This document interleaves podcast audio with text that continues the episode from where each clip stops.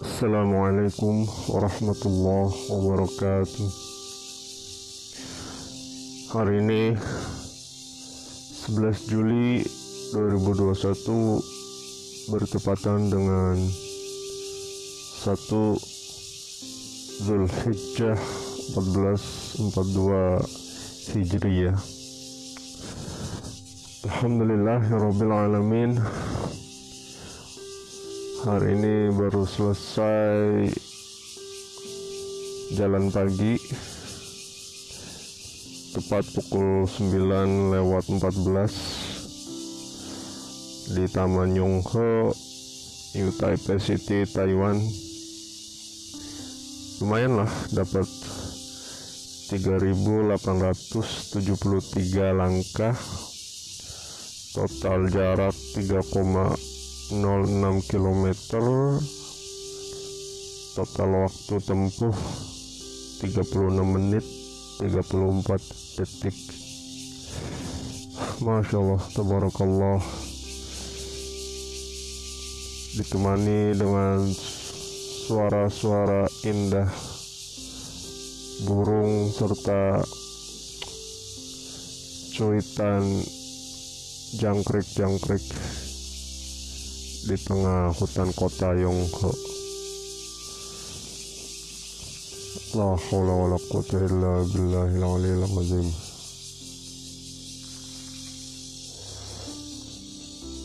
Lanjut ngobrol-ngobrol soal seputar quarter life crisis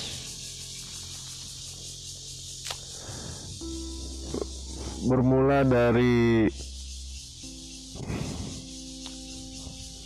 proses untuk mengenal diri sendiri. Men proses mencari makna hidup. Proses mencari makna dari setiap kegiatan setiap fenomena setiap peristiwa ya kita tidak luput dari berbagai kesalahan. Kita tidak luput dari berbagai kekurangan.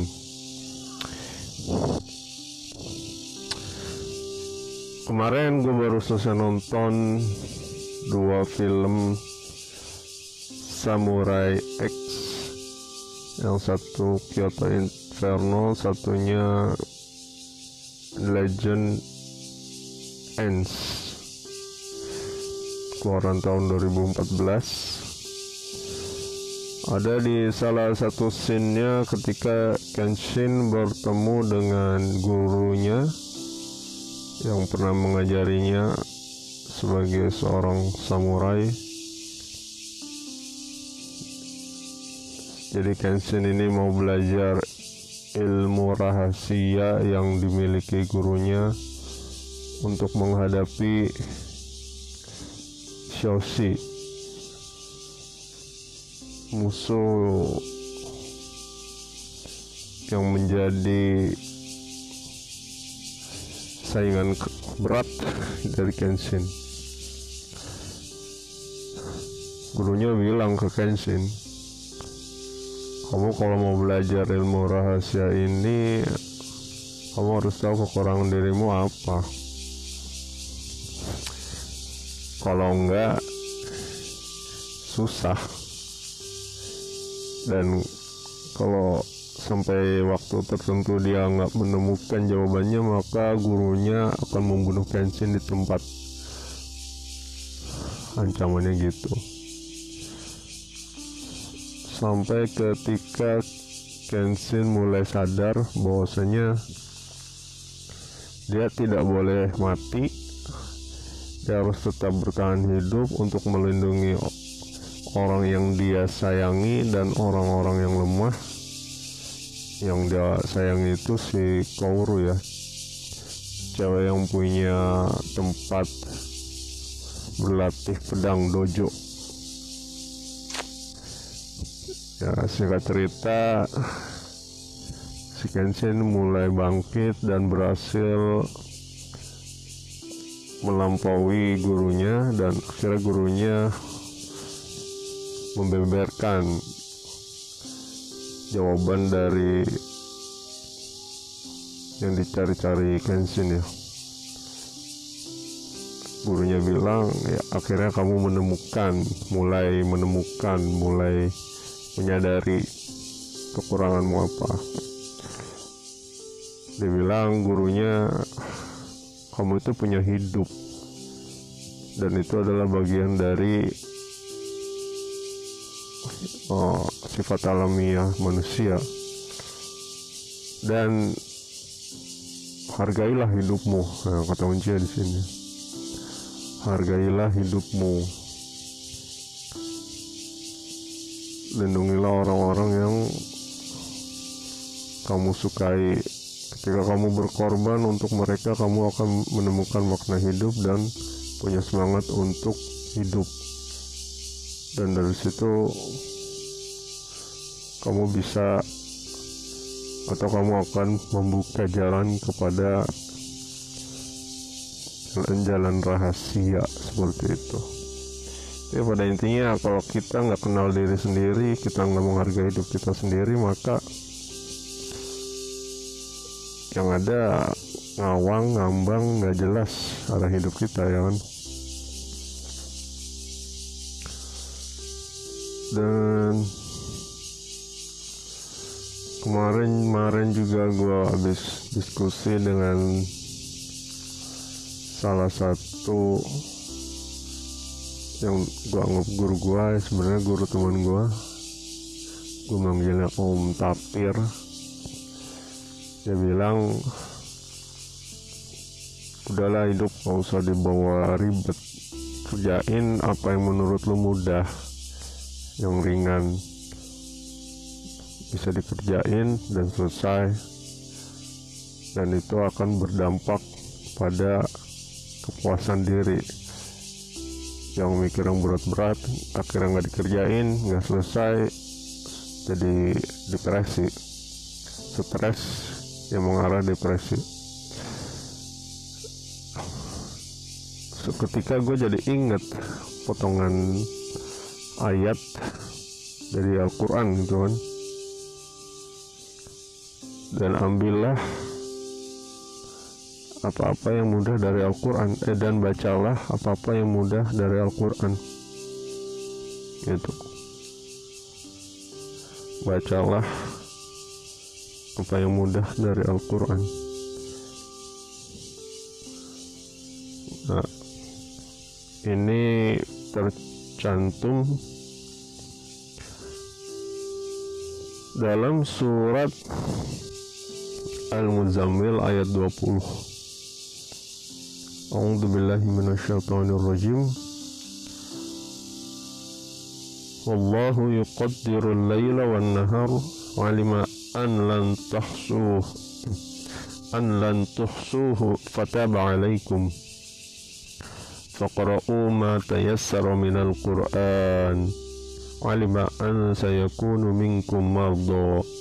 وآخرون يضربون في الأرض يبتغون من فضل الله وآخرون يقاتلون في سبيل الله فاقرأوا ما تيسر منه Artinya kurang lebih dan Allah menetapkan ukuran malam dan siang. Allah mengetahui bahwa kamu sekali-kali tidak dapat menentukan batas-batas waktu-waktu itu. Maka dia memberi keringanan kepadamu. Karena itu, bacalah apa yang mudah bagimu dari Al-Quran. Dia mengetahui bahwa akan ada di antara kamu orang-orang yang sakit dan orang-orang yang berjalan di muka bumi mencari sebahagian karunia Allah dan orang-orang yang lain lagi berperang di jalan Allah. Maka bacalah apa yang mudah bagimu dari Al-Quran.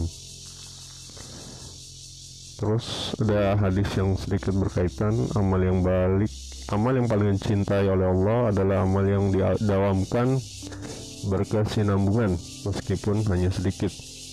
Hadis riwayat Bukhari dan Muslim dari Aisyah. Ya Allah, Masya Allah, Tabarakallah. Dari sini aja kita udah mulai dapat banyak petunjuk ya petunjuk dari cahaya Allah bahwasanya Allah tuh udah udah tahu ya karena jelas pencipta kita ya kan. Pencipta semesta alam. Setiap ciptaan yang ada di alam semesta ini adalah punyanya. Ya. dari sini aja kita udah bisa menerawang gitu kan bisa menimbang bisa mengukur apa yang kita mampu kerjakan apa yang kita tidak mampu yuk. dan lebih baik ya kita fokus pada solusi kita fokus pada mencari jalan jalan keluar kita fokus pada apa yang bisa kita kerjakan daripada daripada gitu kan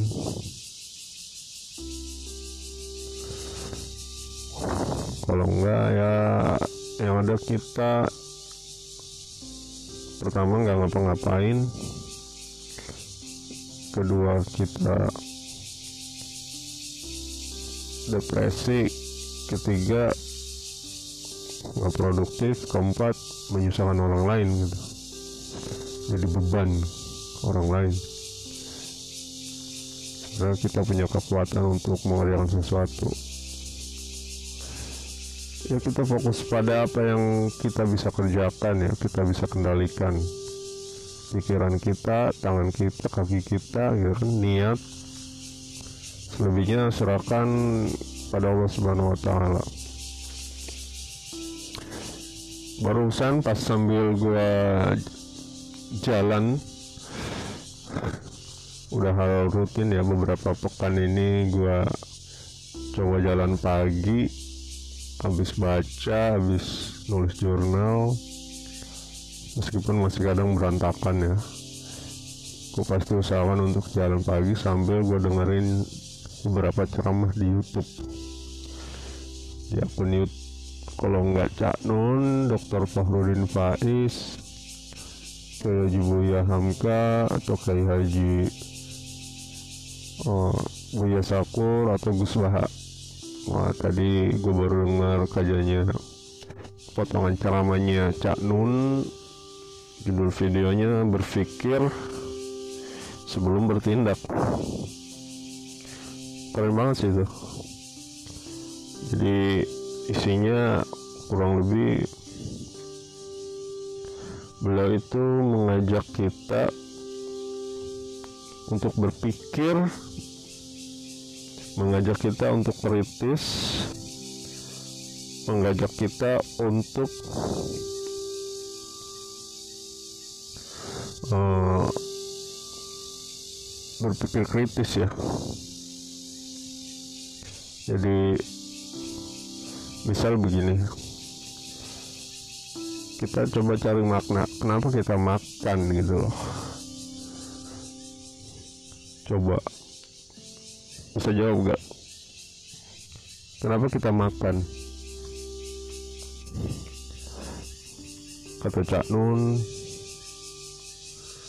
Coba bertanya kepada jamaah sinaunya ya kan? Kebetulan kalau nggak salah mungkin itu di lingkungan pesantren jadi santri-santri yang jawab. Ada yang jawab biar oh, kenyang ada yang jawab biar hidup ada yang jawab biar macam-macam tapi proses nalar yang beliau mau ajarkan adalah ada urutannya ya. Kenapa kita makan? Yang pertama biar kenyang kenyang pasti yang makan kenyang. Kedua sehat. Ketik, ya kan? ketiga biar bisa mikir gitu. Jadi urutannya kita makan biar sebenarnya kalau kenyang relatif lah ya pada yang ditekankan di sini sehatnya kita makan biar sehat kalau sehat biar bisa mikir dan juga biar bisa ibadah. Seperti itu. Kemudian juga beliau ngasih analogi atau pertanyaan lain kenapa uh, gula itu kan manis. Nah yang kita butuhkan itu gulanya atau manisnya? Nah ini pertanyaan-pertanyaan sigo sigolisme ya.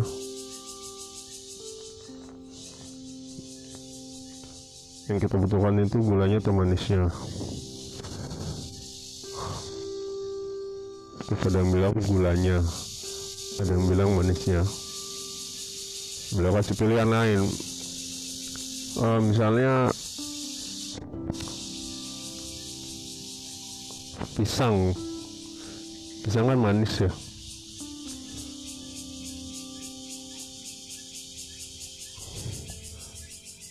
Karena tadi bilang gula itu manis. Ada yang bilang yang kita butuhkan itu kan manisnya sebenarnya. Nah kalau ada yang manisnya selain gula itu gimana?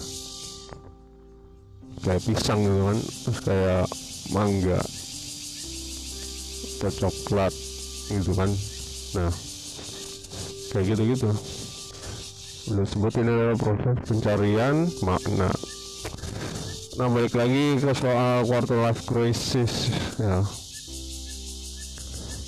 jadi kita ini dituntut untuk mencari makna di setiap proses yang kita lalui.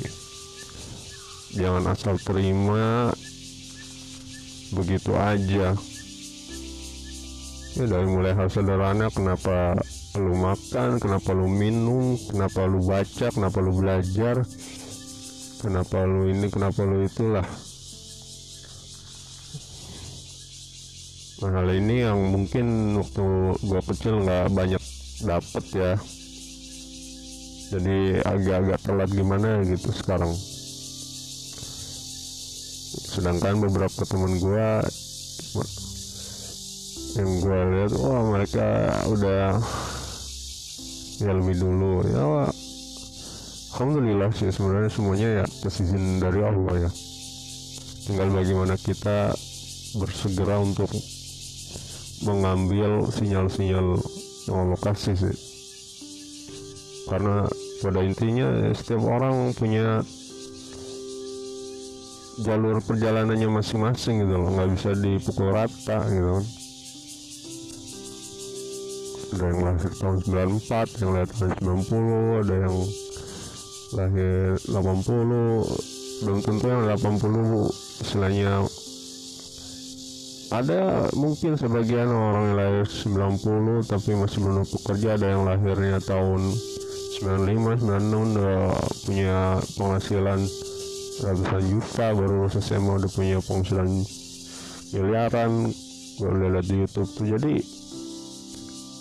ya kita tuh pertama lahir di dunia aja udah nggak bisa menentukan gitu kan semuanya ketetapan dari Allah Subhanahu wa taala. Apa yang kita bisa kendalikan, kita yang bisa kerjakan adalah ini karena kita sebagai orang muslim ya, gue sebagai orang muslim mencari ridha Allah taala, menjadi kekasih Allah taala. Kalau udah dapat ridha Allah taala dan mendapatkan kasih sayang Allah Subhanahu wa taala niscaya kata guru-guru kita yang ulama-ulama kita itu di ya mudah gitu segala urusan dunia dan akhirat minimal di dunia dulu lah karena yang langsung ngeberesin ngurusin itu Allah Subhanahu wa taala dengan kekuasaannya. Segala sesuatu di dunia ini kan tidak tetap ya. Ada siang ada malam ada dingin ada panas ada hujan ada kering. Ada sedih ada gembira. Ya begitulah tergantung pada kita bagaimana mengontrol ya mengendalikan mengolah emosi terhadap suatu peristiwa. Bagaimana kita merespon. Bagaimana kita mengambil oh, satu tindakan ya terhadap satu peristiwa. Apakah ketika kita di dikatakan jelek katakan buruk. Mau mau mengambil perkataan itu mentah-mentah kemudian kita menjadi di emosi menjadi benci sama orang yang mengatakan itu ya bergantung pada diri kita pada dasarnya. Karena itu kan dari luar ya faktor eksternal. Kalau kita makan kita dengar mentah-mentah kita ambil hati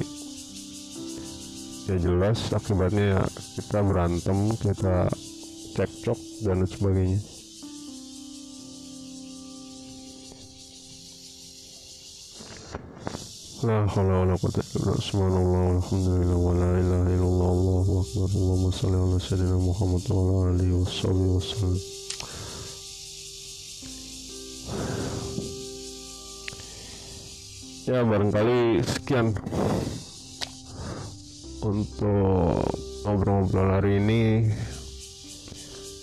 besok kita lanjut lagi insyaallah kalau masih ada umur. Dan gue harap ini bermanfaat. Kalau bermanfaat syukur. Kalau enggak alhamdulillah juga. Ini Taipei City Taiwan. Assalamualaikum warahmatullahi wabarakatuh.